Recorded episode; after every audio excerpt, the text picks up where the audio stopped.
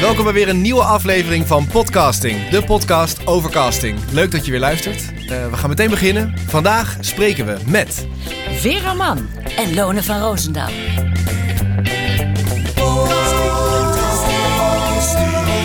De podcast over casting. Welkom bij Podcasting, de podcast over casting, aflevering 5. Daar zijn we weer. Ja, gezellig. Um, ja. We beginnen met een introductie van uh, Vera Mann, hier mm schijnt tegenover mij. Uh, ze studeerde af in 1986 aan het Hoger Instituut Dramatische Kunst te Antwerpen. Uh, ze debuteerde in het ensemble van My Fair Lady als startschot van een lange musical carrière. Speelde onder andere in Evita, Lemies, Jodie Musical, Diana, Peter Pan, Mamma Mia in zowel Nederland als Vlaanderen. Hetzelfde geldt voor Passion New Musical. In 2011 deed ze In de schaduw van Brel. In 2016 de Sondheim-klassieker Sweeney Todd als Mrs. Lovett, waar ze diverse musical awards voor heeft gewonnen. En last but not least in 2018 Charlie, de komische musical. Uh, momenteel is op tour met haar eigen one-man show Goesting. En doet daarnaast stemmenwerk voor zowel animatie als commercials. Welkom Vera. Ja, goedemorgen. Uh, hoe anders is dat van grote producties naar je eigen show? Ja, ik, uh, ik heb het er eerder wel eens over gehad in een, uh, in een interview. Dat uh, meestal als ze dingen opzommen die ik gedaan heb, dat dat heel vaak gaat over de grote shows. Mm.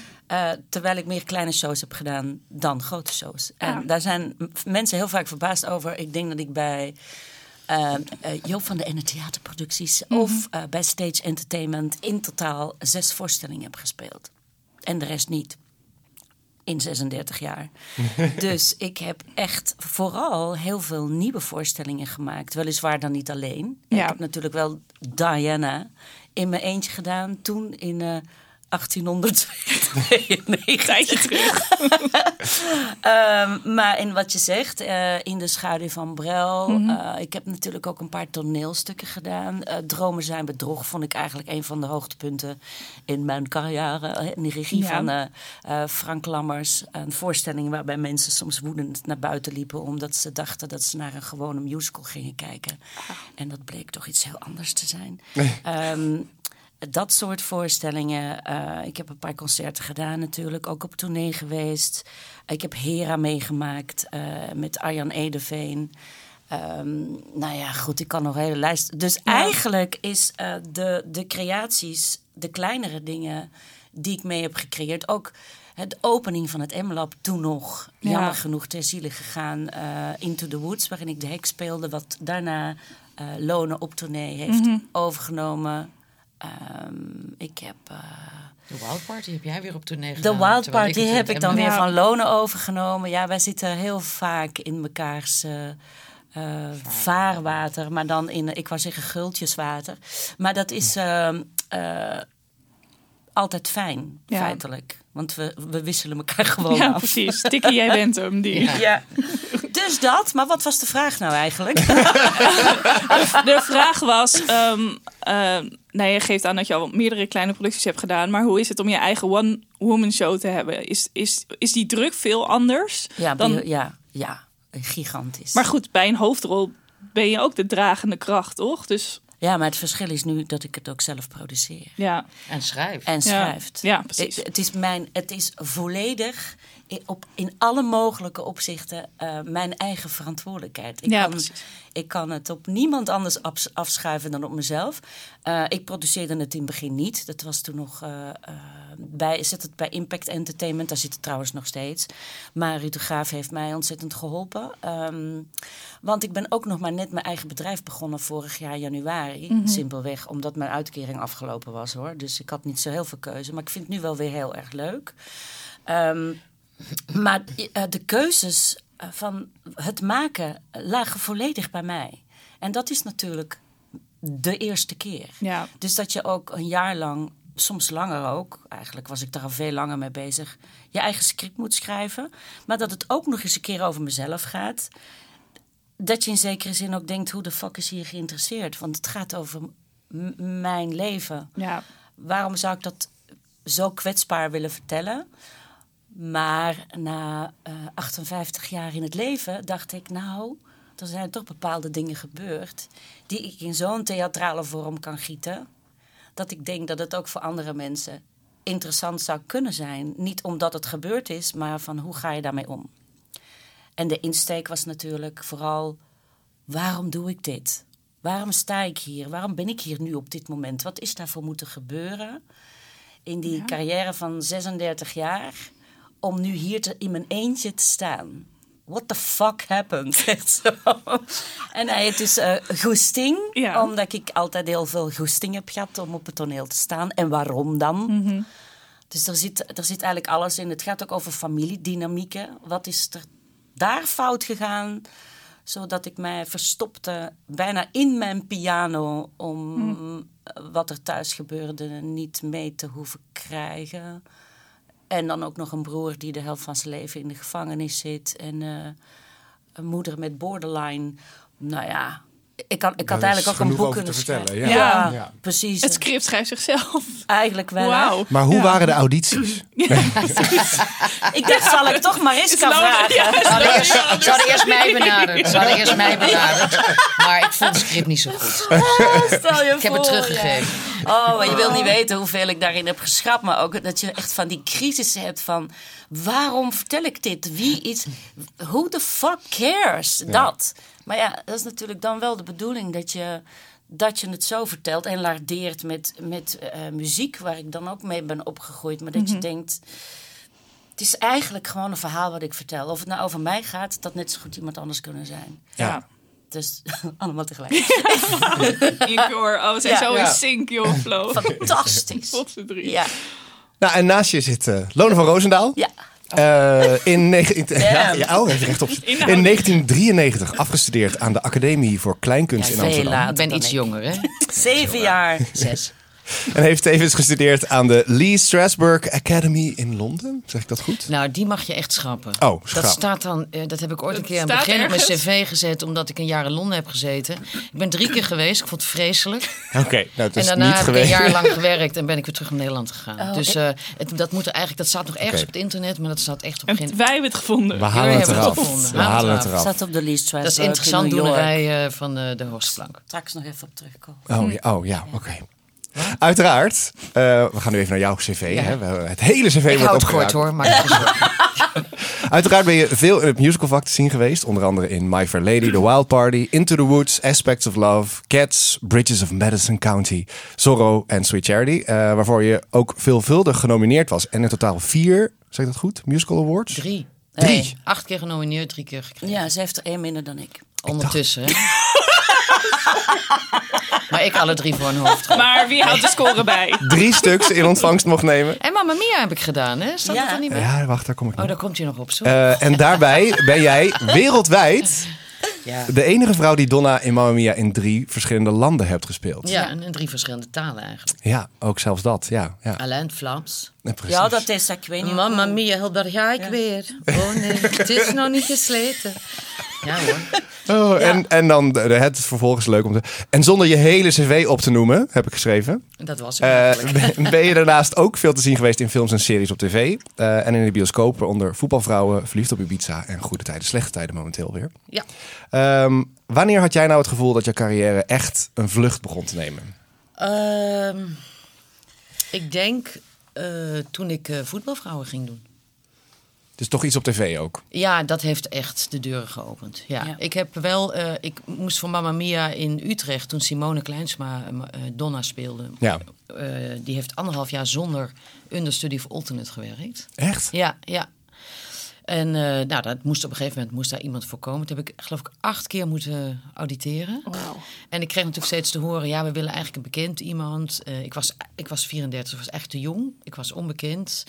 Eh, maar ze wilden iemand die bekend was. Ze hebben echt volgens mij van Patricia Pai tot weet ik veel wat laten langskomen.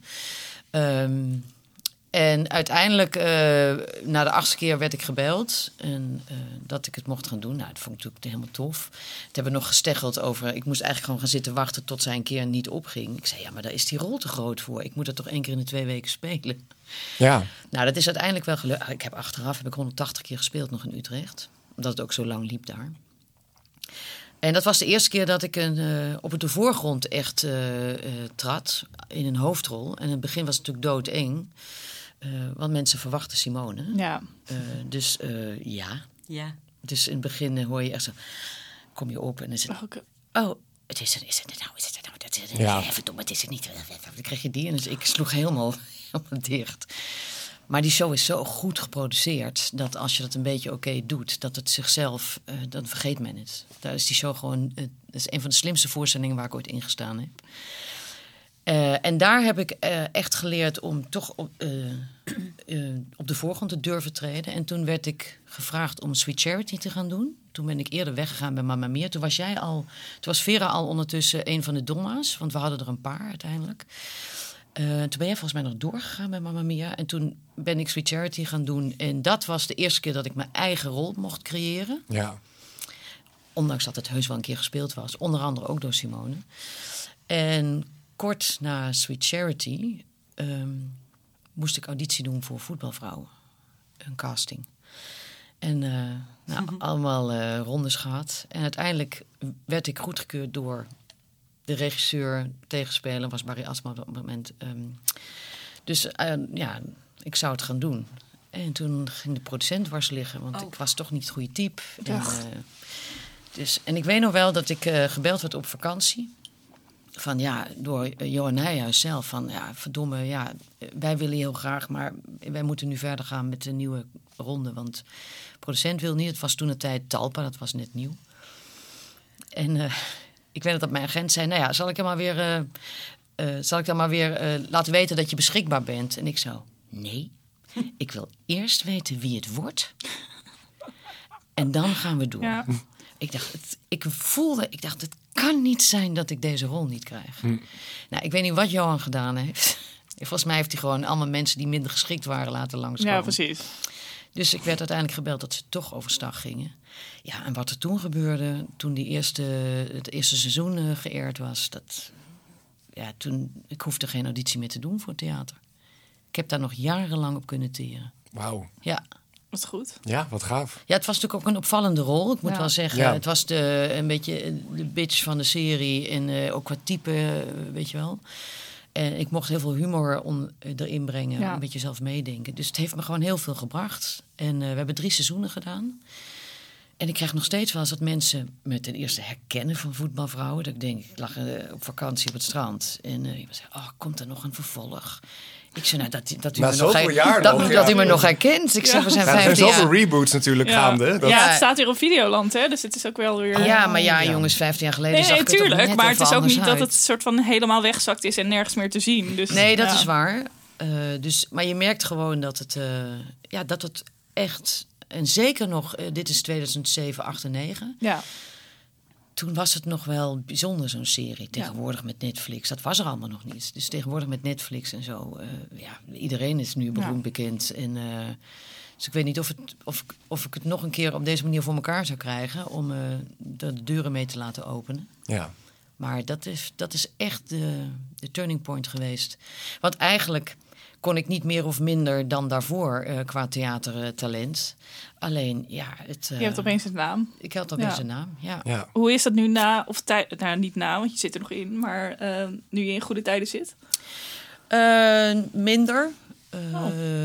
eh, Goede Tijden is natuurlijk een langlopende serie. Ja, Ik denk dat producenten ook. Nou, dat weet ik niet. Misschien vul ik dat in. Maar ik denk dat, je, dat ze ook doorhebben dat het gemiddelde goede tijdenpubliek niet het gemiddelde theaterpubliek is. Dus dat scheelt ook. Je mag gewoon een croissantje pakken hoor. Duurt je te lang, hè? Maar het is een hele lange vraag. Nee. Ehm, ik denk zelf dat dat, dat, dat meespeelt. En ik denk als je jong bent en Ja. een nieuw gezicht in goede tijden, dat er dan nog een soort van: oh, wat leuk, leuk talent, dit en dat. En voor mij is het misschien eerder nadelig geweest. Hoe leuk ik het trouwens vond om goede tijden een paar jaar te doen hoor. Dus, echt eh, nadelig? ja, ik denk toch dat, eh, dat als je een carrière hebt gehad zoals ik tot nu toe, dat mensen toch een beetje vinden, ja, maar die zit in goede tijden. Heb ik ook trouwens gehoord. Werd ik voorgesteld. Oh, dat het nu een soort een scheldwoord is, Ja, in, eh, nog steeds, nog steeds. Wauw. Nog steeds een, eh, vind ik echt jammer. Want ik, tuurlijk kan je maar een deel laten zien van je talent. Want eh, er wordt snel geproduceerd, je moet snel opnemen. Je moet, ik heb ook heel veel geleerd in, eh, in die drie jaar. Ehm, maar het is, je kan nooit helemaal je volle talent laten zien. Want Ja. eh, dat, dan heb je gewoon iets meer tijd nodig. Je krijgt je, stri- je script, er wordt nog veel eh, weggestreept en zo. En je krijgt een half uur per scène. Ja, Ja. dat is kort. Ja, dat gaat wel heel rap, ja. ja. Eh, en ik ben gewend om zes weken te mogen repeteren aan iets. Dus, Ik Ja. vind het zo bizar, want dan is het dus nooit goed. Want ze willen, heel, of over het algemeen helpt het een productie als er een naam wordt gecast. Dus Ja, als maar je mensen... merkt- Nou, nee, daar zijn ze denk ik echt een beetje van af. Ja? Je merkt Nou, de laatste jaren waar. ook dat, Ja. dat, dat ook de, jonge, de jongere garde ehm, daar begint en dan bijvoorbeeld een programma als Dance Dance Dance of een keer Wie is de Mol of Ja. een kans krijgt om zo'n programma te doen wat zo, zo belachelijk goed bekeken wordt Ja. en dan gaan ze opeens sky high. Ja. Maar ik denk, ik denk wel dat producenten ondertussen ook snappen dat het een combinatie is van de titel en de cast. Eh, en dat, eh, ik schiet nu in mijn eigen voet, want ik zou het eigenlijk heel belangrijk moeten maken dat ik op televisie ben. Maar ehm, daar ben ik sowieso heel slecht in. Maar eh, dat ze toch vaak hebben gehad dat ze zo'n BN'er in een rol hebben gezet. En dat die voorstelling verder ook helemaal niet liep. Ook omdat ze, je verbaast je dat dat publiek eh, waar iemand bekend van is, helemaal geen theaterganger is. Of niet Nee. naar dat soort producties gaat. Of, Nee. en, en die eh, kronkel wordt nog wel eens eh, gemaakt. de bek niet open. Sorry. Nou, het is een podcast, dus Oh, ik ja. breek je de bek wel open. Nee, dus het is, ik hoop dat ze snappen dat je gewoon degene moet nemen die geschikt voor de rol is. Ja. En, Ja. ik neem altijd het, het voorbeeld van Jim Bakkum. Die zat in Blood Brothers samen met Guido Speek en die Jesser. Ja, kan je wat van vinden hè, van de eh, casting? Eh, nou, dat was met jou ook trouwens. Ja. Eh, dat liep voor geen meter. Nee. En Jim Bakkum zat het jaar daarna in Het Meisje met het Rode Haar. En er bij de voorstelling bijgeboekt. En waarom het ene Ja. wel en het ander niet? I don't know. Als we dat wisten, zat ik nu niet hier, maar ergens op een privé-eiland in de Malediven. En Ja. had ik heel veel geld. Ja, Dus, de ja. hele, de hele PR-situatie rond eh Hartsvrienden ging ook niet zo goed. Want je moet een voorstelling als Blood Brothers ook niet gaan vertalen als Hartsvrienden. Daar begon het dan. Ja. Daar zat al een wrijving, merkte ik ook. En ehm, het was niet een heel geslaagde voorstelling. Ja, maar er zijn ook hele, niet hele geslaagde voorstellingen die wel als een titel lopen. Ja, dat is waar. Snap je? Daarom denk ik dat er geen, Het is heel moeilijk. geen formule is. Dus Is als je de verkeerde mensen met een verkeerde titel... of een hele goede acteur, maar toch een verkeerde... Je, als we het zouden weten waar het aan ligt... Ja, dat de ja. ene voorstelling met Jim fantastisch loopt... en de andere voorstelling niet... terwijl hij blijkbaar toch een publiekstrekker is... Ja. dan heeft het toch... Ja, ik weet niet. Als, eh, wat ik al zei, ik zou willen dat ik het wist... want dan kon ik heel veel geld verdienen. Ja, ja. Ja, it just happens. Je weet het echt niet. Er is geen pijl op te trekken. Nee, nee, nee, denk het niet. We zijn begonnen jongens. Ja, Ja, we gaan ook lekker. We zijn, Ja. nu zijn we pas begonnen. We gaan, het, het- is al lekker op gang. Ja, Ehm, ik, zeg, ik stel het even voor hoe we het aanpakken. We hebben jullie eh, van tevoren een aantal vragen, stellingen en eh, dilemma's opgestuurd. Daar hebben jullie niet aan voor, hoeven bereiden. Dan heb je een beetje een idee wat we doen. Ehm, gewoon om, eh, om eh, wat eh, grappige anekdotes los te krijgen. Ehm, en sommige zullen wel werken en andere niet. Eh, maar het lijkt me wel leuk om te beginnen bij eh, de eerste die erop staat. En dat is een vraag die we ook in andere podcasts andersom hebben gesteld. Dus bijvoorbeeld aan de, tijdens de casting podcast. Dus echt voor eh, televisie, voor reclames, dat soort dingen. En afgelopen week in de theaterproducenten podcast. Ehm, wat zijn nou de, de do's en don'ts, en voor jullie in jullie geval tijdens het auditeren, van juryleden aan de Achter jurytafel? Wat helpt, wat, weet je wel. Wat, Dat- wat als helpt eigen- en wat is vooral ook gewoon echt... Wat Vind je het mag bijvoorbeeld je fijn dat iemand je zo aankijkt? Of heb je liever... Of, hè? Zijn er dingen die de jury kunnen doen die helpen? Of dat je denkt, jezus, ik sta hier echt eh, de, de- mijn ziel uit eh, alles te spelen... en iedereen kijkt alsof ze naar Ja. de, de, de Bijbel... aan- Het of, is een soort van eh, in the room where it happens. Ja, Als je binnenkomt en, eh, en ze hebben er al honderd gezien. ja. Ja. dat Ja. verschil in energie, dat merk je wel als je, als je binnenkomt. Ja. En het, het allerergste zijn de mensen die eigenlijk eh, of met elkaar aan het praten zijn... terwijl jij auditie staat te doen... Of totaal ongeïnteresseerd gewoon een beetje zitten te telefoon. kijken of geeuwen. Of op hun telefoon. Oh. Ehm, het is echt We've af en toe. seen het is, it all. eh, eh, yeah, we've been there, we've seen it. Eh, het is echt, echt af en maar toe. die kan gaan door, door je auditie zijn. heen praten. Oh ja, zeker. Maar die zitten dan naast elkaar met briefjes en foto's. En dan zeker als dan er een internationale troep aanwezig is. Eh, en dan gaan ze, ja, we zeggen, eh, what's her name again? Oké. En dan, eh, dat. En dan sta je daar gewoon eh, de ziel uit je lijf te zingen. En dan hoop je nog dat ze het over jou hebben. Ja, dat, want het zou zo maken van nou van, oh no, no, I prefer Mariska better than her. But you know, I don't give a fuck. Want Ja. ik heb eh, eh, de allereerste... ehm, in het begin, als je net afstudeert, ben je nog een soort van naïef, hè? Maar zo. Met Ja. van die trillende broekspijpen sta je Ja. dan. Oh ja. Oh, de hel. En dan Ja. ongeluk heel hard maar stampen op je voet om dat been stil te krijgen. En dan denk je, wat heb ik nou weer gedaan? Oh. Maar ik heb ook een paar keer aan de andere kant van de tafel gezeten dan in dit Ja, geval en niet ja. gestaan. En dan merk je ook wel dat het eh, een kleine eh, tip voor, eh, voor onze collega's, dat het eigenlijk al belangrijk is de manier waarop je binnenkomt. Ja. En de manier waarop je je voorstelt. Dat je bijna denkt, als je nou nog gaat staan en kunt zingen, dan, dan is het helemaal goed. Want dat is dan de eerste ronde qua pure eh, uitstraling, typecasting. Wat voor timbre heb je? Het hoeft eigenlijk ook nooit vanaf de eerste keer perfect te zijn. Stel dat je nog een keer zou mogen terugkomen, dan, dan kan dat nog altijd Nee. verbeterd worden. Ja. Maar het gaat meer om het totale pakket met hoe je binnenkomt. Ik zeg en altijd als mensen, als, je, als ik, ik geef wel eens les. ehm, en dan vragen ze natuurlijk na, zeg ik altijd, maak een keuze voordat je naar binnen komt. Ga daar niet, eh, als je ze ziet, denken, oh, ik moet toch dit. Of maak gewoon een keuze, dan sta je sterk. En dan hoor je wel als ze iets anders willen zien. Ja. En soms heb je gewoon pech, dan kom je binnen en hebben ze al besloten, dit is het niet. Ja. Ja. Maar dan doe je in ieder geval een sterke auditie. En dat onthouden mensen ook weer. Ja. Ja, maar ik kan, ik, ik kan mij, ik zal een kleine anekdote vertellen van de auditie. klein, Heel klein. klein, hoor. Zo, half uur later. ik ging auditie doen voor Les Miserables en ik had werkelijk geen flauw idee wat het was. Ik had het nooit gezien. Ik had, eh, wat was het? De LP gehoord. Ik weet het niet Ja. meer. YouTube bestond nog niet. Weet je wel, het was natuurlijk 1990. En, ehm, maar er was wel één liedje wat ik dan eh, regelmatig hoorde... waarvan ik dacht, hé, hey, dat eh, kan ik zingen. Gewoon, dat kan ik. Daar hoef ik verder niet over na te denken.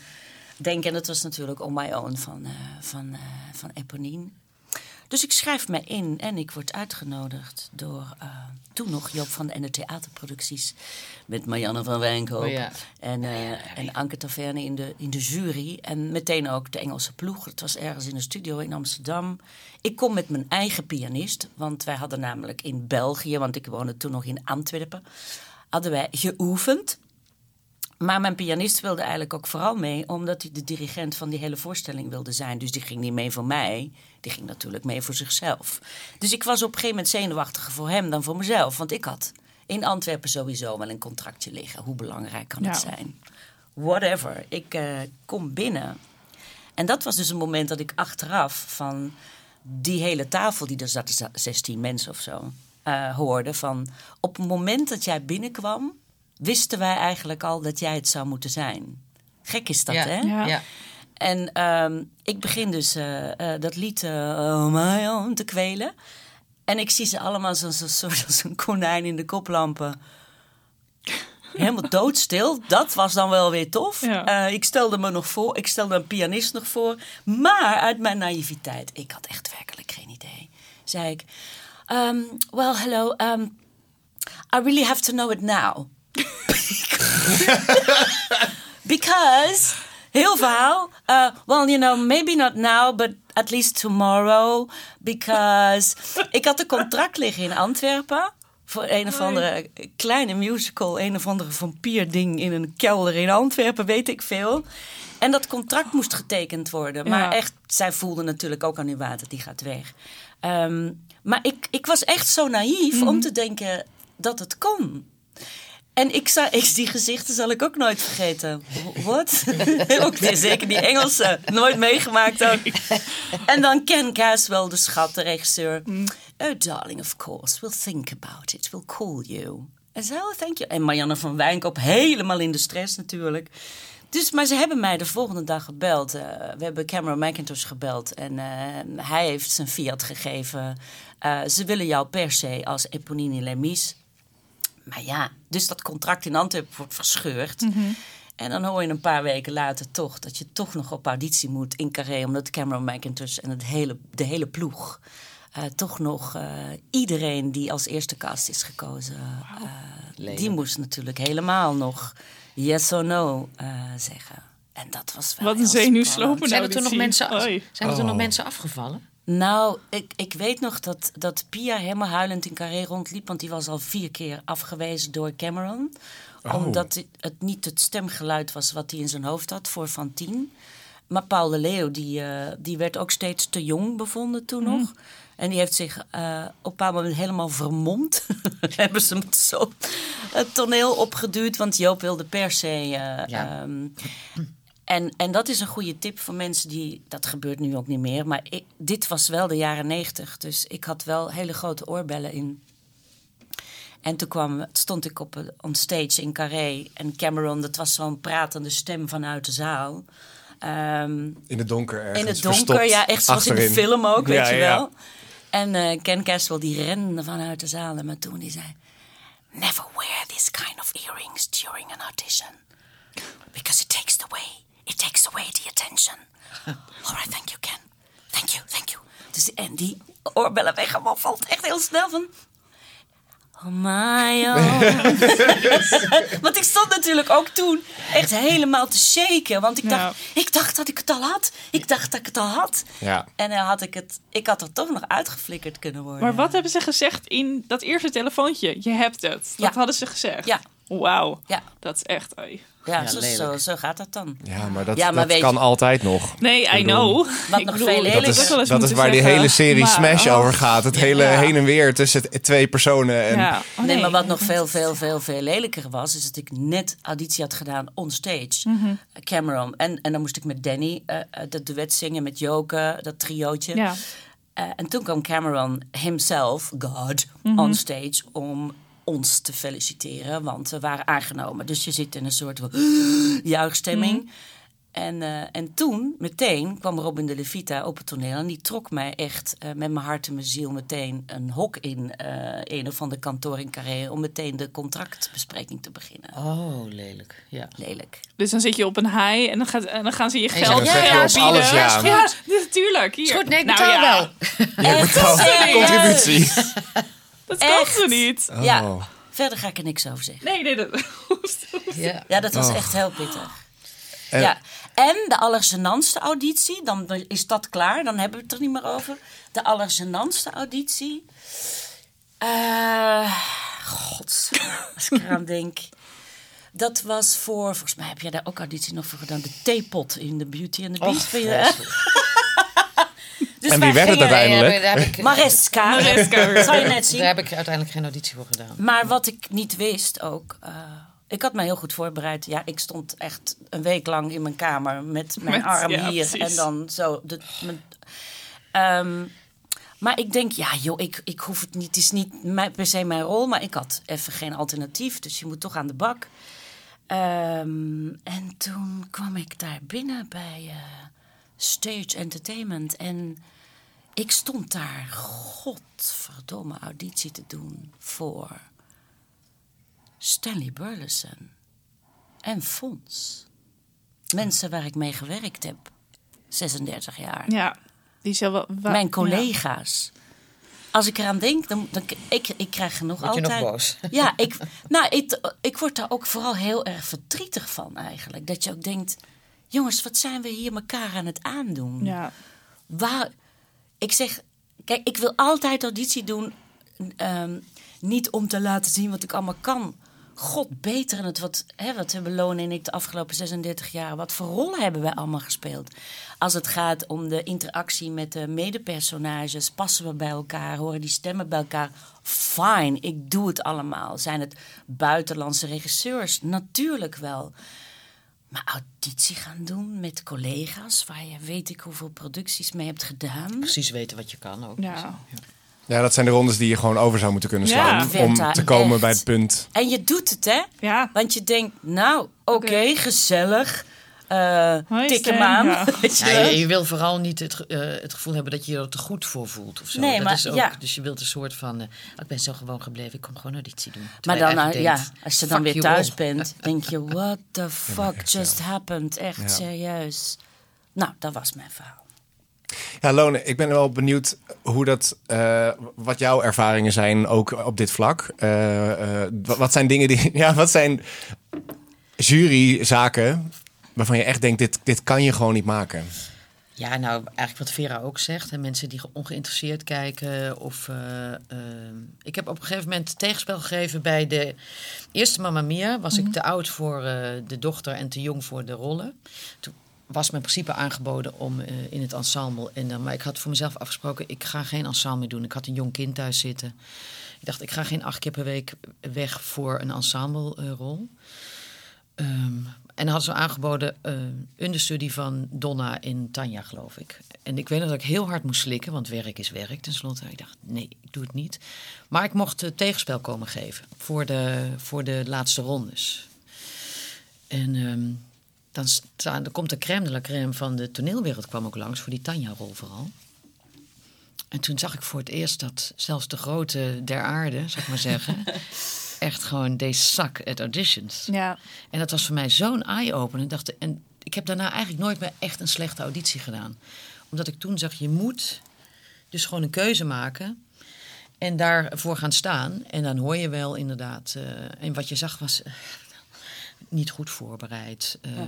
onzeker, eigenlijk niet weten waar ze voor kwamen. En bij sommige mensen, die gingen er wel voor. En het was dan niet goed gezongen of zo. Maar er stond dan wel een goed type of zo. Dus dat was voor mij een, een, een persoonlijke eye-opener. En uh, ik heb natuurlijk zelf veel audities gedaan. En ik ben ook heel veel afgewezen. Maar dat je toch geïnteresseerd blijft kijken. Dat je toch iemand het gevoel geeft... nou, dank je dat je moeite ja, hebt genomen om te ja, komen. absoluut, ja.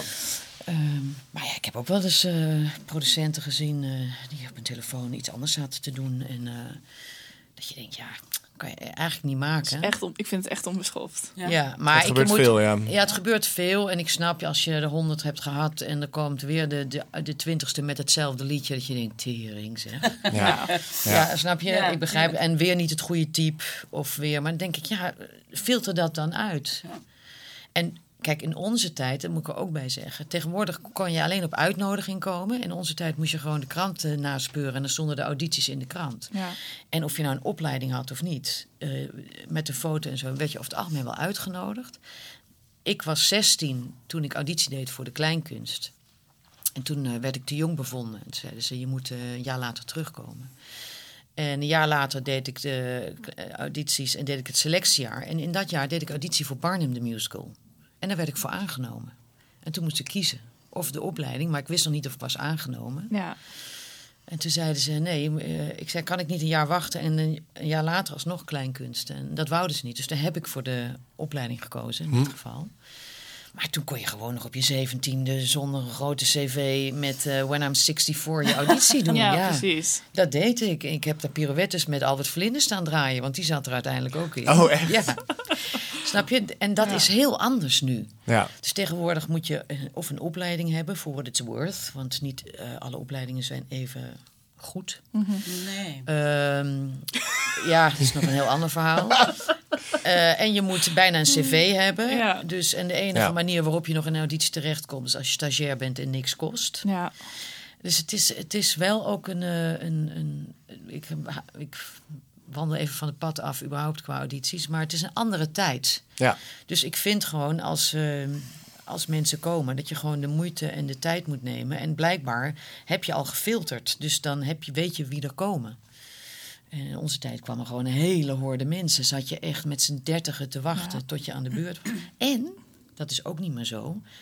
er zagen twee pianisten...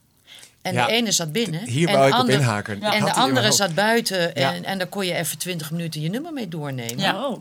Want daar ben jou... je zo afhankelijk van. van, ja. van uh, en er zitten, er zitten vaak hele goede pianisten, daar gaat het niet om. Maar, maar die krijgen de bladmuziek ook gewoon zo voor hun neus. Die moeten dat maar à vue spelen. Sommige mensen weten niet dat ze bladmuziek met akkoorden moeten meenemen. Precies. Want het nee. is niet makkelijk om het zomaar van de noten te spelen. Uh, bij Soldaat doen ze dit nog. De Ja. audities voor Soldaat van... Ik weet niet of ze het nog steeds doen, maar dat was in de tijd dat ik auditie deed, wisselden ze inderdaad om. Ja. Dus de ene ging Ja. repeteren en de ander was de auditie aan het doen. En dan wisselden de pianisten om. En Maar dus is- hoort iedereen elkaars repetitie? Nee, nee, nee. Want dat lijkt me echt Nee, nee, verschrikkelijk. Nee, nee, nee. kamer Je hebt. Oh, een, En kamer, een repetitiekamer. En soms ja, wel, maar ja, dat- dat door ook deuren prima. hoor je altijd wel Dat iets. is prima ook. Nou ja, soms Ja, dacht word je daar niet onzeker van? Dat kan Ja, of, of juist niet. Dat je denkt. Oh. Nee, want wij zijn toch beter. Wij zijn gewoon nee, beter. Nee. Soms dacht je van, oh, maar jongens. Ja, nee, dat dat. Ik heb ook een keer auditie in Londen gedaan voor de rol eh, van de vrouw van eh, Napoleon. Napoleon. Eh, voor de rol van Josephine. En dat was mijn eerste auditie in Londen. Nou, dat was sowieso al spannend natuurlijk. En ik dacht, nou, deze keer kan ik niet mijn eigen pianist meenemen. Want dat wordt een beetje duur. Ehm, en toen heb ik gedacht, hoe kan ik ze nou eh, alle hoeken van de kamer laten zien met deze auditie. Dus ik dacht, ik zing het eh, triomfantelijke lied Piloten sterven nooit uit eh, Joe de Muizenval. Ehm, De muizen van. dus ik had de mp3'tje meegenomen. Ik had zelfs mijn eigen, mijn eigen stereootje meegenomen. Ik was helemaal voor, zelfs de goede Engelse plug-in ook. Hè, want je moet dan die stopcontacten zijn. Ja, ja. En dat was ook wel heel grappig. Want ik stond voor die mensen van... ehm, you know, I just brought my own stuff. So it's gonna be alright. En eh, toen haalde ik mijn eh, radio erboven. En eh, volgens mij nog een cassette... Of tenminste een cd'tje of zo erin. En oh, you just did it all yourself. Yes, yes, yes, I'm prepared, I'm prepared. En oh, but you don't have the right plug-in, do you? Oh, yes, I do, I do, I do. Dus ik helemaal klaar. Ik duw op die knop en ehm, ik begin... eh Piloten sterven nooit te zingen. Maar ik was natuurlijk zo ongelooflijk zenuwachtig. En dan komt bij Piloten sterven nooit. heb je op een gegeven moment die hele hoge noot. Piloten sterven nooit. Nou, die allerhoogste nooit. Die kwam er niet uit. Het was echt... Piloten sterven nooit. Helemaal dit. Altijd op het spel gooien. Altijd op het echt spel gooien. verschrikkelijk. En zij. Oh. En ik moest, ik kreeg zelf de slappe lach. I'm sorry. You know, I've done it six times a week. You know I can sing it. Ik had gewoon een hele droge keel. Van de, ik, ik zag mij ineens op West End staan, weet je wel. Van, eh, van, dit moet gewoon perfect zijn. Nou ja, uiteindelijk mocht ik door naar de volgende ronde. En de volgende ronde, de finals. En, ehm, en de finals, ik weet het niet. Ik zag me daar eigenlijk... Ik, het voelde niet oké. Het was met Uwe Kreuger trouwens. Die speelde Napoleon Duitser. toen. Ja, die, eh, maar uiteindelijk ben ik het niet geworden. Maar ik ben wel gaan kijken. Eh, en die voorstelling is na drie maanden geflopt. En ik heb eigenlijk bijna tot hiertoe... Bijna elke keer als ik niet ergens word aange- voor aangenomen... Als ik ga kijken, eh, net zoals bij Anastasia ook, de rol van Lily, dat ik dacht, ja, dat ben ik gewoon. Ehm, en ik was eigenlijk heel blij dat Ellen Evers dat ging doen, maar ik heb die voorstelling gezien en ik denk, het is gewoon niet mijn ding. Ik hou hier helemaal niet van. Ik hoef het eigenlijk ook helemaal niet. Dus dat. Ja, Sometimes you're just saved by the bell. Ja, precies. Mijn allerergste was eh, eentje in, eh, in Gent. Eh, een auditie waar ik voor gevraagd was om te auditeren. En we moesten het materiaal instuderen. Het was heel moeilijk ingewikkeld materiaal. En we kregen de bladmuziek geen MIDI-files, guide tracks of iets. Dus je moest zelf ach- achter je pianotje Ja, gaan zitten klooien. En het was echt een beetje Sondheim-achtig ingewikkeld. Ook dat nog. En ik had het voor zover ik had begrepen uitgevonden. En ik had gekeken wat de, wat eh, de, de BPM was, zeg maar. Hoe snel het nummer zou zijn. En eh, nou, de- ik dacht het echt te weten. En ik kwam daar binnen en ik, eh, ik kende een aantal mensen achter de tafel. En ik kreeg van de andere kant te horen... Oh, Florence. Oh, ik dacht dat het, dat het een meisje zou zijn. Dus ik grapte nog. Ja, nee... Ik heb mijn hakken thuis gelaten.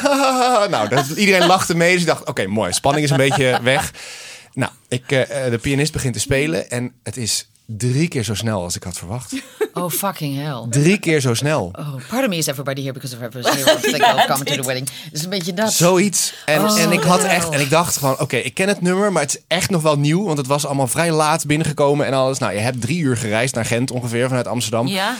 Eh, uiteindelijk eh, heb ik tien seconden binnengestaan en toen stond ik weer buiten. Oh, dat is toch verschrikkelijk. En ik voelde me zo bekocht. Ja. Gewoon omdat ik. je, ik heb zoveel tijd hierin zitten. Naast alleen het reizen al, het instuderen van het nummer. Ja. en geef Ja. me even een moment om met die pianist het nieuwe materiaal wat jullie Ja. mij hebben opgedragen door te nemen, weet Ja. je wel? Ik, wij, ik heb laatst eh, auditie gedaan nog voor 40, 45 voor die moederrol. Eh, en eh, mag ik dat eigenlijk zeggen? Dat, dat wist iedereen dat 40, Ja, 45 ja, heeft ja, in het Nederland. staat eh, overal. het stond overal. ja. Ja. En, eh, Ik dacht dan van, nou, ik weet niet of... En dat is geen zangrol, het is een spelrol. Het is niet een hele aanwezige rol, zeg maar. Dus, maar het leek me wel leuk, zo'n grote productie. Het schijnt heel mooi te zijn. Dat is heel tof. Ik heb het gezien. Ja, en eh, nou, dan weet je ook wat die rol inhoudt. Eh, en toen had ik de eerste ronde gedaan voor zo'n Vlaamse co-regisseur, denk ik, assistent. Namen willen we. Ja, Namen. ik weet niet, de oudere, Ik heb ja, ik geen weet niet, idee. ja, weet ik veel. En toen moest ik door naar de volgende ronde. Het was ook nog niet de finals. En dan heb ik het toch een beetje, ik denk, oké, nou, ze kennen me niet, dus oké. Moest ik naar Rotterdam. Want Oh. ze, ze deden daar de auditie. Dus nou, eh, prima. Eh, We moeten ook niet denken dat Amsterdam altijd het universum van een Nee, precies. theater Er was. zijn Het andere staat plekken. ook in Rotterdam. Ja, dus, eh, en daar, waren ze met, daar stonden ze op dat moment ook met de stage. Met Come From Away, dus ze hadden daar de, het theater al eh, in gebruik. En ik kom binnen. En ik dacht, oh, ik ga het nu zo doen. En, ehm, en ik doe het. Het was een scènetje van 30 seconden. En ik ben klaar. En ik dacht, nou, ik krijg nu van Frank van Laken te horen. Oh, ja, oké, kan je nog een beetje zus of eh, doe het nog eens. Eh, bedankt. Die, Oh, ja. Nou, toen dacht ik echt, het is echt de kortste auditie. Moet ik hier nou, als je toch al ja. weet dat ik het type niet ben. Dat is altijd raar, hè? Dat vind ik zo raar. Als ik de jong, want uiteindelijk die vrouwen die het in België speelden, waren inderdaad 60 plus volgens mij. Ja. Of in ieder geval ouder. Eh, dus ik dacht, maar dan laat je me toch niet komen. En ik had nog gebeld, eh, god mag ik, is er een plekje vrij eerder op de dag? Want eh, dat, ja, nee, dat is goed, kom maar dan en dan. Terwijl ik denk, ik vind het helemaal niet erg als je alsnog belt en zegt, Lone, het zou zonde zijn van je tijd. ja, want precies. we weten nu Je bent al dat type het... eh, niet of whatever. Ik vond het zo wonderlijk. Ja. Ja. En toen denk ik, ja, dat vind ik echt... eh, Ja, van jullie tijd is niet zonde, 30 seconden. Het kan jullie niet schelen. maar ik ben echt drie uur onderweg geweest. Ja. Ja. Ja. Dus eh, dat, ja, dat vond ik ook een beetje raar. Maar goed, dat gebeurt op zich niet zo vaak. Ik heb eigenlijk nooit hele gênante dingen... Wel gewoon dat je, dat je voelt, had me dan niet laten komen. Ja. Ja. Ik heb het ook wel met castings voor commercials wel eens gehad. Dat je dan eh, lees je en denk je, oh, dat is best geestig. Nou, dan word je het niet en dan zie je het terug. denk je, tering, zeg Hebben ze die saai. gekozen? Ja, precies. Ja, dan denk je, ja, een van een fotomodel die Ja. eigenlijk niet kan spelen. denk ik, waarom laat je me dan komen? Ja. Ja. Vind ik, ik vind dat raar. Ja. Ja. Ik ga er even een stelling in, eh, in gooien. Ja, doe het. Oké, de, ste- de stelling, lieve dames, is... ehm, weten wie mijn concurrenten zijn, helpt mij. Waar, Nou ja, niet waar. Nou, het is soms wel handig om te weten in welke vijvers aan het vissen zijn. Dus welk type vrouw. Ja. Maar soms heb je ook audities dat, dat alles kan langskomen. En eh, dan, het is gewoon, zeker bij zangaudities vind ik het altijd wel lekker om niet te veel informatie te hebben. Nou, jullie zeiden net ook al, als je soms iemand hoort zingen, dan denk je, nou, ik zie Ja. wel goed. Maar het is, Ja. eh, als ik te weet, als, eh, stel je doet een auditie voor iets en er zijn verschillende type vrouwen in verschillende leeftijdscategorieën voor Ja. dezelfde rol. Ja, Ja, dan is het wel handig om te weten, omdat je denkt, eh, ja, ik, ik weet niet wat ze zoeken. Blijkbaar gewoon willen ze nog kijken wat kan. Maar als het allemaal dezelfde type vrouwen in dezelfde leeftijdscategorie is, vind ik het misschien handig om het niet te weten, zodat ik mezelf niet hoef te vergelijken. ja. eh, kwalitatief en qua uiterlijk en qua. eh, Ja, ik ben, er, ik ben er eigenlijk ook nooit zo mee bezig. Want het gekke is... eh, ja, het klinkt misschien heel raar, maar... Ik, het voelt nooit als concurrentie of zo. Want zoals altijd eh, gezegd werd op de theaterschool ook... Wij, wij zijn ons eigen instrument. Wij, wij kunnen... Dit, dit, this is it. Hè, je, je- Ja. We zijn getraind. Ja. We hebben allebei ons eigen ding. We hebben onze eigen klankkleur. Sommige lijken, sommige lijken een beetje op elkaar, maar wij zijn toch andere persoonlijkheden.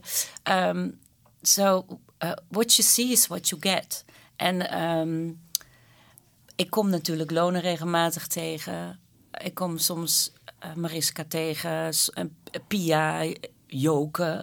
Eh, het is, maar ook Ellen, die dan heel anders is en langer vooral ook. En, eh, Nou, laat ik zo zeggen, stel Pia, want Pia is natuurlijk best wel klassiek.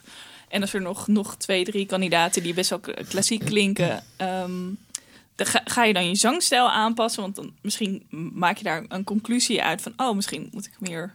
Ik ben er wel gevoelig voor. Ja, moet ik dat eerlijk kan ik me zeggen. voorstellen. Ja. Dat je denkt, oh, hier staan allemaal Ik denk, wat willen ze dan? Willen ze dan. eh, soms ja. is juist, juist dat anderen doen. Dat, dat voor, het voorbeeld daarvan vind ik altijd eh, Nicole eh Berendsen, die eh Plumeau speelde. In, ehm, Beauty. in Beauty. Die kwam aan op de auditie en die zag alle meiden, zoals in de Broadway-versie, hun spitsen aantrekken. En zij dacht, dat kan ik helemaal niet. ik heb nog nooit op die dingen gestaan. En die heeft gewoon haar versie gegeven. En dat is uiteindelijk de versie die ontwikkeld is en, en nu de wereld overgaat. Ja, ja. Meer de hitsige Française in plaats van de Ja. prima ballerina. Ja. Oh, wat grappig. Omdat Ja. ze juist iets totaal anders deed. Nou, dat was natuurlijk met Chantal in, eh, eh, in Beauty trouwens ook. Ja.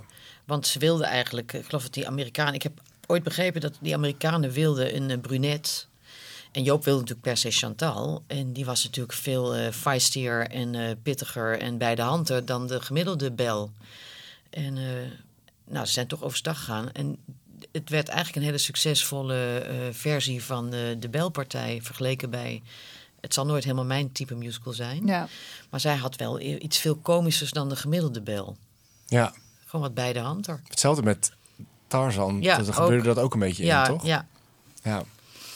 Dus, maar dat heeft dan te maken met de status die Chantal had. En het feit dat Joop weet, als zij erin zit, dan verkoopt dat gewoon beter. Ja. En, eh, eh, en ze kan natuurlijk wat. Dus dat, het was niet. ehm, maar dat, ja, ik weet niet. Ik, zou, ik, ik, ik ben wel gevoelig voor.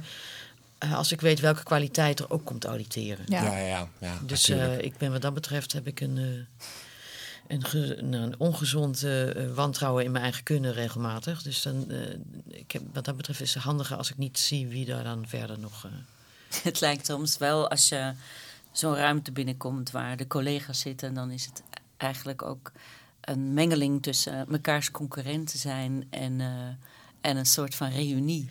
Het is een soort crematie, maar dan ja. een soort crematie. Eigenlijk een hele vervelende gelegenheid, maar het is wel weer heel gezellig, Oh, weet je wat wel. leuk om je Ja. weer te zien. Ja. Weet je, dit het, slaat helemaal nergens op. Maar het is ook echt altijd leuk. Van, oh ja, we moeten nog even auditie Ja, precies. doen. Zo. Ja. Terwijl je eigenlijk denkt, oh, dan doe ik daar nog even mijn nummer doornemen. En dan heb je dan helemaal niet meer geen, geen Nee. tijd meer voor Nee. gehad. Nee. Ik weet wel een leuk dilemma. Ehm, acht keer in de week voor een goed salaris een voorstelling spelen waar je niet warm of koud van wordt. Of eh duppies draaien in je droomproductie. Nou, duppies draaien vind ik wel weer echt te ver gaan. Wat zijn, Eh, dus- sorry, maar dan komt de Vlaming in mij naar boven. Wat zijn duppies draaien? Oh ja, nee, je, je je, je centen Als omdraaien. Gewoon als slecht in betaald in slecht betaald. Nee, ja, ik- kijk, eh, ik vind dat wel een boute stelling. De, de schoorsteen moet tenslotte roken. Absoluut. Je kan je huur niet betalen. Ja. Maar als je zegt voor minder geld en dus eh, een leuke productie. Ja, ik heb nog nooit auditie gedaan, ik weet niet hoe het bij jou is. Op, eh, voor een eh Scheveningen productie. Oh nee. Eh, nee, en bewust niet. Ik, had, ik wil geen acht keer spelen. Oh nee, Anastasia. Eh, ja, dat heb ik ja, ja, maar Daar, ik ging ervan uit dat je daar nog misschien kon delen de rol. Ja, sowieso. Ja. Eh, maar maar Zorro was toch best wel een pittig tourschema? Ja, maar dat is en toeren, dat vind ik sowieso leuker. Oh, oké. Dus het gaat ook om de vaste plek. En, eh, Ja. en daar had ik ook een, een understudy. Ah. Eh, en daar speelden we zes, zeven keer per week. Maar acht keer per week in een vaste plek, dat wordt zo'n fabriek. ja. En dat je pas op toneel ziet. Want ik heb natuurlijk Mamma Mia in Utrecht gedaan. En daar speelde ik natuurlijk niet acht keer per week. Maar ik kwam op toneel pas erachter wie de dochter speelde. Of, eh, Ja, dat- en terwijl Wow. op tour zit je in de Ja. bus. Heb je contact. eh, je komt in een andere theater. Je hebt eh, eh, de vibe van een stad. Van het bepaalde publiek. In Twente wordt er anders gereageerd dan in Zuid-Limburg. Ja. Dus dat heeft voor mij veel meer dat gypsy gevoel van theater. Waar, waar ik ook op val namelijk. ja. ja. Dus ik, voor Scheveningen heb ik echt eh, altijd gezegd... nee, acht keer per week, ze zijn gek geworden, ga ik niet doen. Soms zelfs negen. Ja, nee, Maar is er, geen, elf. is er geen enkele productie waar je een uitzondering voor voor zou maken? Waarschijnlijk wel, Welke lonen? maar die... nou, maar die wordt waarschijnlijk nooit geproduceerd in Nederland... dus daar hoef ik me niet zo eh, druk over te maken. Nou, vertel. Welke Misschien, lonen? eh, The Grey Gardens. Ah, oké. oh ja. Ja, ik heb er ook één natuurlijk. Al heel lang. Maar die gaat ook nooit gebeuren. Gaat nooit gebeuren. Is, is te Amerikaans-minded. Ja. Gaat over de nicht van Jackie Kennedy. Ah, Eh, ik wil heel graag nog Gypsy spelen, natuurlijk. Ja.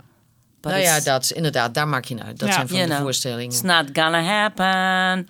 nou ja, misschien ook wel. Nou, Kijk, als ze zo Ja. gek zijn, en ik hoop van niet... Om hem acht ook- van die vrouwen bij elkaar te krijgen. Ja, ook dat. Maar Ja. als er sprake is om zo'n waanzinnige, briljante show als Hamilton naar Nederland te halen, als we het nou hebben over Amerikaans. De Founding Fathers, waarom zou je dat in godsnaam naar het Nederlands gaan vertalen? En hier, ik kan er me echt niets bij voorstellen. nee. Eh, hoe Amerikaans kan je het hebben, dan kan je, dan kan je ook die anderen hier naartoe brengen. Maar die zijn minder commercieel. Die zijn minder commercieel, ten eerste. En eh, I had the ugly cry at London. Eh, bij Hamilton. ja, nee, ook. Maar vooral bij Gypsy. eh godsamme, Imelda Stanton. Ja, zij is fantastisch. Ik was echt. eh, maar ik had het al een paar keer eerder gezien, maar dit was echt. Ja. Maar dat, ik dacht bij eh, Miss Lovett, Sweeney Todd ook, dat het nooit meer zou gebeuren. En eh bam. Zo, dat Ja, Ja, gebeurde. dat was ook een hele mooie versie. Ja. Dat is leuk, hè? Ja. Maar ik denk dat geen enkele voorstelling er baat bij heeft om eh, zoveel gespeeld te worden Nee. per week. Omdat mensen zijn moe.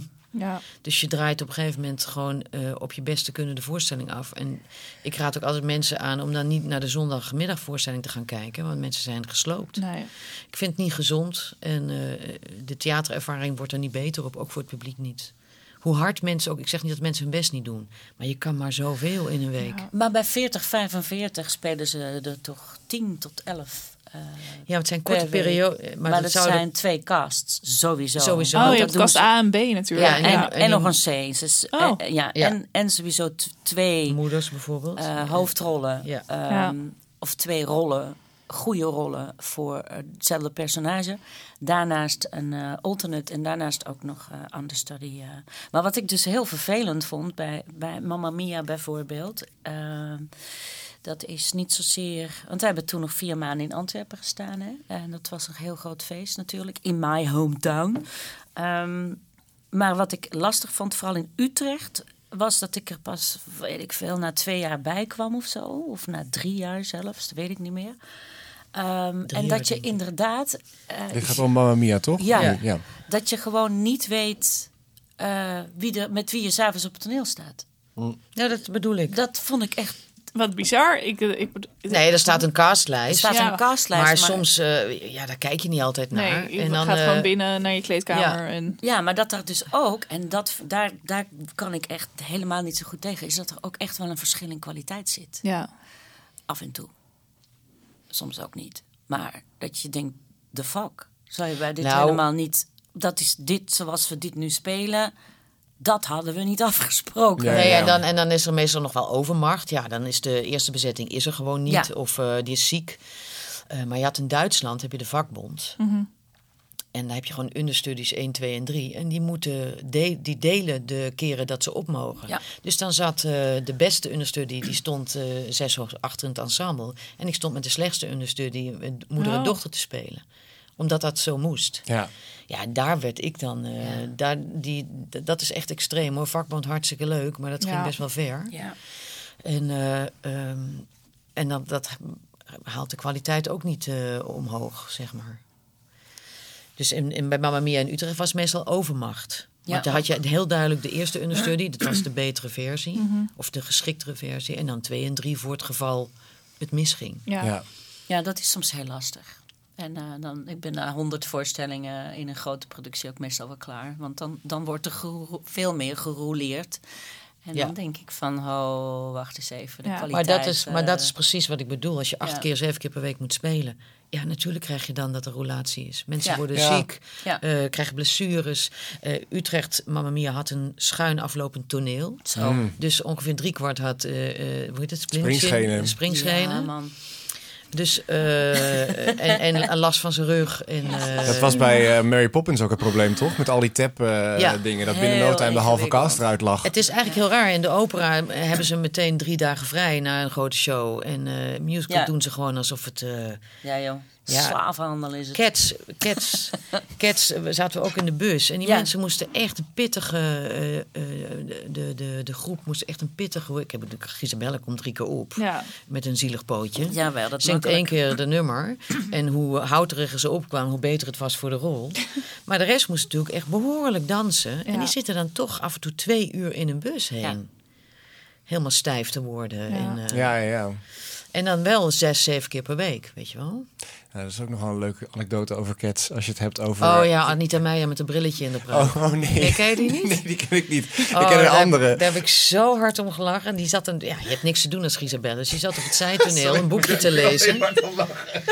een boekje te lezen. En die moest op een gegeven moment op. Anita, je moet zo op. Ja, die legt het boekje weg. En de kaas barst in lachen. Want ze komt met een leesbril in de pruik. Komt ze met de pootjes zo komt ze op. Het is zo'n goed verhaal, vind ik dat. God. Ja, nee, ik ken vooral eentje, ik, ik zal even geen namen noemen, maar dat, de- dat de, de halve cast had buikloop. Oh, my god. In een pakje. En, en dat, ik, ik ken Oh. een van de, van, ik heb les gehad van een van de, van de, van de ja, meerdere wel eigenlijk, Ja. die daarin, wie heeft er bijna niet in heb niet gedanst. Eh, en die zei, ja, ik, wij- ik, ik, bij mij ook acuut opeens. En ik ben Oh. alleen maar opgerend en heb de grand jeté gedaan. En Ik moest af, en afrennen, pak uit. En ik ben niet meer opgegaan, zei Oh, ze. En dan moet binnen no time je understudy op, want die show draait al. Ja. Ja, dat is echt chaos. Ik moet wel eerlijk zeggen, ik weet nog dat ik auditie deed voor eh, Kids. En dat kwam door voetbalvrouwen. En eh, ik dacht, eh, nou dat memory en met mijn mix belt. Als in je mocht komen door voetbalvrouwen of wat? Ik mocht door, ja, komen. Oh, ik ja, was anders echt niet ja, uitgenodigd. nee, precies, ja. Ja, we waren die keer waren er vijf Gisabella's, toch? Of Ja, dat waren wij. Dat Ja. waren wij. Je was Never Pia, again. Antje, Anita, Vera en ik. Oh, ja. Ja, En eh, ik vond het Nooit ideaal meer. trouwens. Maar ik weet nog dat ik zei, ja, hartstikke leuk dat nummer. Ik zeg, maar volgens mij, ik ga dat zo'n show natuurlijk niet eh, een hele tour doen. Dat lijkt me echt niks aan. Nee. Weet ik nog dat ik dat van tevoren bedacht. Nou, toen bleek dat het over vijf Grisabelles ging en ik vond het ideaal. Achteraf, ik had het zo'n heel jaar gedaan. Ik heb zo'n leuke tijd gehad. Ja, en een lekker afgetraind lichaam erbij. Dus het Nou, was wel heel van die erg- drie, eh, Nee, maar van die opening, die, die opening deden we ook mee. En ik deed natuurlijk ook alle warming-ups Nee, dat is waar, Toen verder natuurlijk helemaal niks. Maar eh, Nee, ik, vo- ik, vond het voor, ik vond het vooral. eh, ik heb ontzettend ontzag voor de groep gekregen Zo. die daar elke avond stond te dansen. mijn hemel. Eh, en ik, ik vond het zo'n voorstelling die gewoon tien keer leuker is om in te staan dan om naar te kijken. Ja. Dat, ja. Ja, Ik heb Haat echt. Ik ook. Ik Nou, ben in veel mensen-. In Londen ben ik echt de eerste keer gewoon echt in slaap gevallen bij Maar laat staan de nieuwe film die ervan gemaakt Oh, is. die film. Toen heb ik heel hard gelachen voornamelijk. Vreselijk.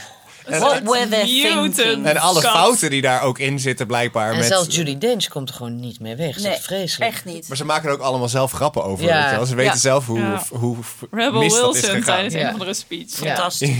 Nou ja, Ja, het is heel camp, zullen we maar zeggen. Oh god. maar het was Oké. wel echt een hele leuke tour. Next question. Ja, laat eens even Anders kijken. komen we er nooit doorheen. Nee, Ja, we ja, komen jij er moet weg, je moet je voorbereiden. Ik, heb, ik heb nog ook wel een stelling. Typecasting heeft in mijn voordeel gewerkt. Oh, jarenlang. Ja? Joh, ik heb een hele hypotheek eh, eh, zo goed als af kunnen betalen, bij wijze van spreken. Op het feit dat ik altijd als die dranklurkende, sigaretrokende, op jongere mannen vallende seksbom heb gespeeld. Ja. Voetbalvrouwen. Voetbalvrouw. Nee, maar ook heel veel eh, gastrollen in Ja. series. eh, eigenlijk eh, verliefd op Ibiza ook. Eh, eigenlijk goede tijden ook een beetje. Ik word de hele tijd aan jongere mannen gelinkt. Ik vind het allemaal heel... Het staat er weer in zo'n script. eh licht verleidelijk in lingerie op bed. Ik zeg, jongens, ik vind het heel leuk dat jullie denken dat dit nog kijkers trekt. Maar I'm not gonna do it. Ja. Echt, eh, ik weet niet welke decennium jullie zijn blij- blijven hangen bij mij. Maar daar, ja, typecasting heeft. eh, en dat vind ik, dat heeft zijn voordeel. Ik heb er heel goed van geboerd. Ik heb ook echt leuke rollen kunnen spelen. Maar het nadeel is dat ik eh, alleen nog gezien word als de, de glamour. Ja. eh, De kant. glamour bitch. Waardoor ik niet meer eigenlijk volgens mij uitgenodigd word voor wat, wat andere rollen of serieuzere rollen Ja. of wat minder eh, opgemaakte rollen. Ik, ja, ik, ik weet niet hoe ik het uit moet leggen.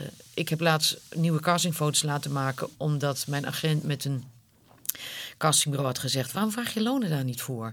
Stel er nou gewoon eens voor, want dat kan ze ook prima spelen.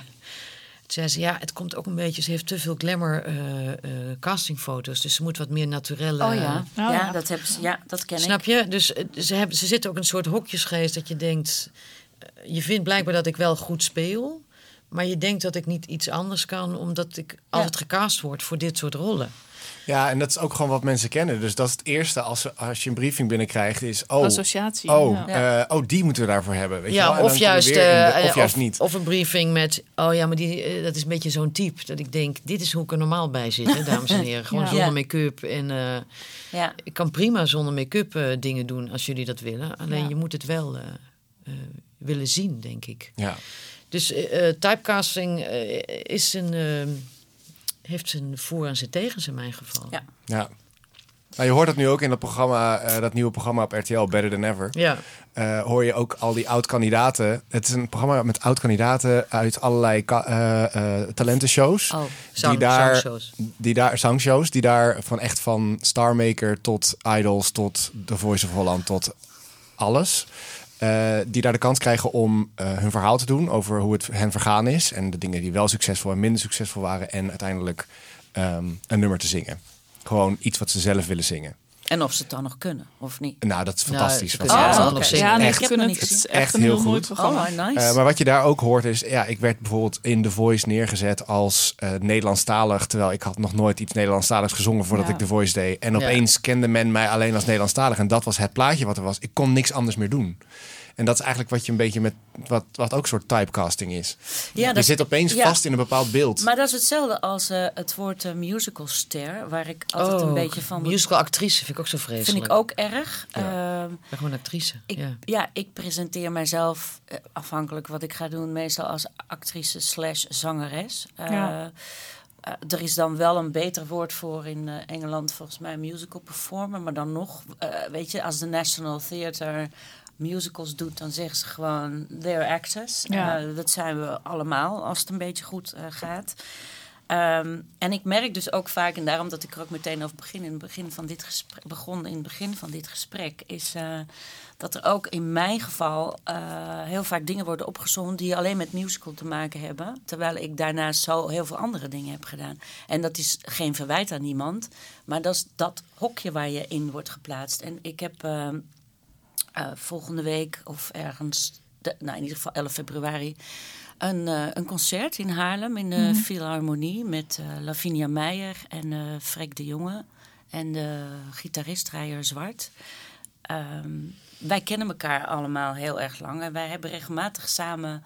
Ik heb met Lavinia wel een paar keer samen ge- dingen gedaan. En, en dat is heel gek. Dat mensen daar heel verbaasd over zijn. Oh, wat een, wat een wonderlijke combinatie. Terwijl. En ik, niet dat ik dat niet begrijp, hè? Nee, ik begrijp niet dat mensen die- dat uitspreken, maar dat is een ander. Wat een wonderlijke combinatie. Ja, dat kan. Ja, dat is. Maar, eh, maar ik heb ook met het Noord-Nederlands eh, orkest eh, repertoire van Leonard Cohen gezongen. Ja. Vorig jaar rond deze tijd hadden wij vandaag ons stream, gestreamd concert. Ja. In plaats van dat we op tournee gingen met tien concerten natuurlijk. Maar ook jij. Leonard Cohen, als, alsof dat dan niet kan. Ja. Dus je wordt Ja. zo ongelooflijk geplemd in een of andere hoek van jij kan alleen maar hard en hoog. Die tijd hebben we al gehad. Ja. Eh, ik ben ooit in Dromen zijn bedrog. ehm eh, Red mij niet gezongen van Maarten van Roosendaal.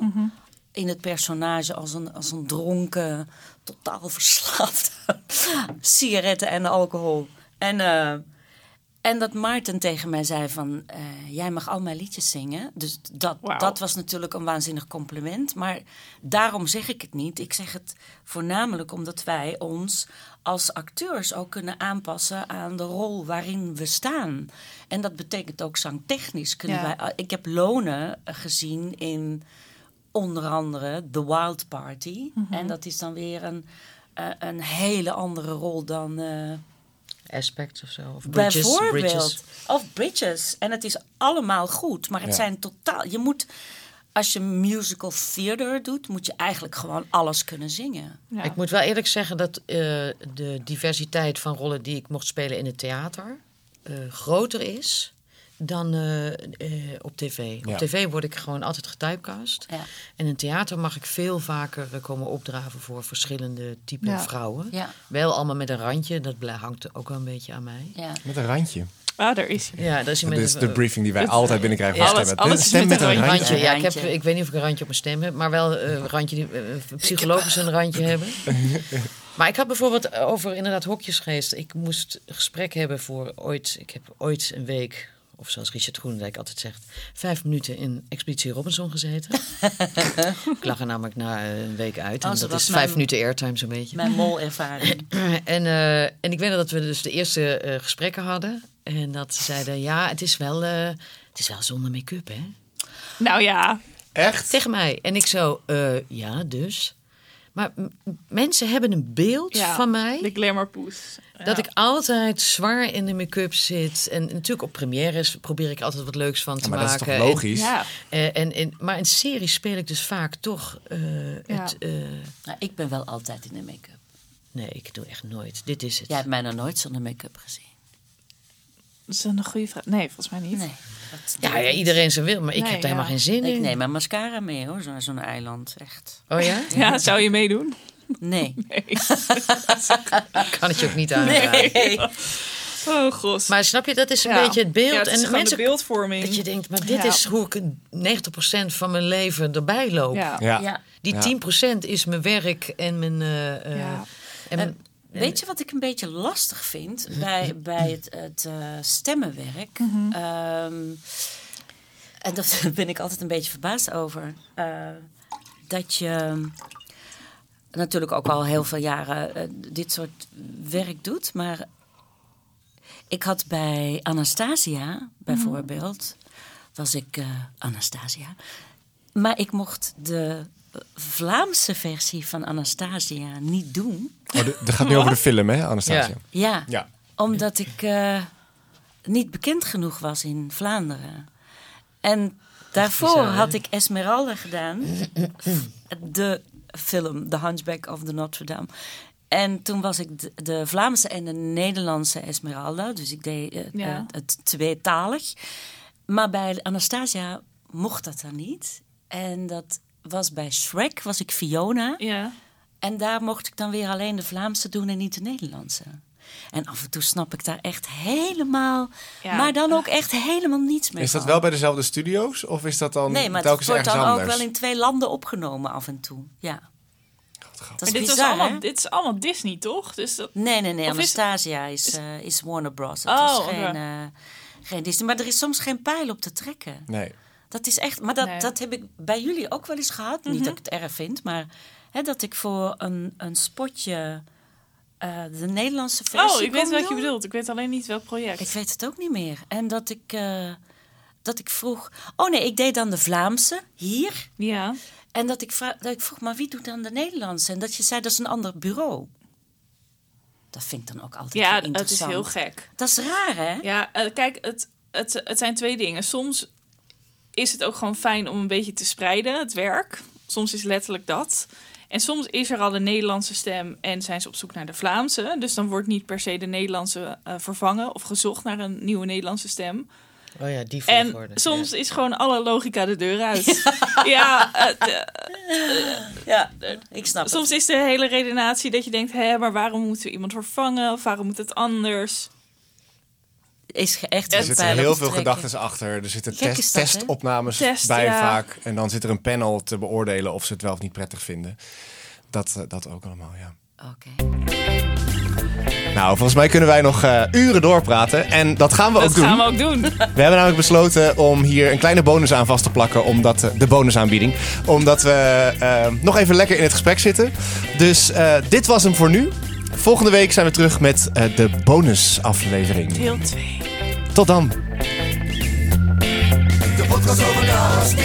Deze podcast werd mede mogelijk gemaakt door Post Office Amsterdam.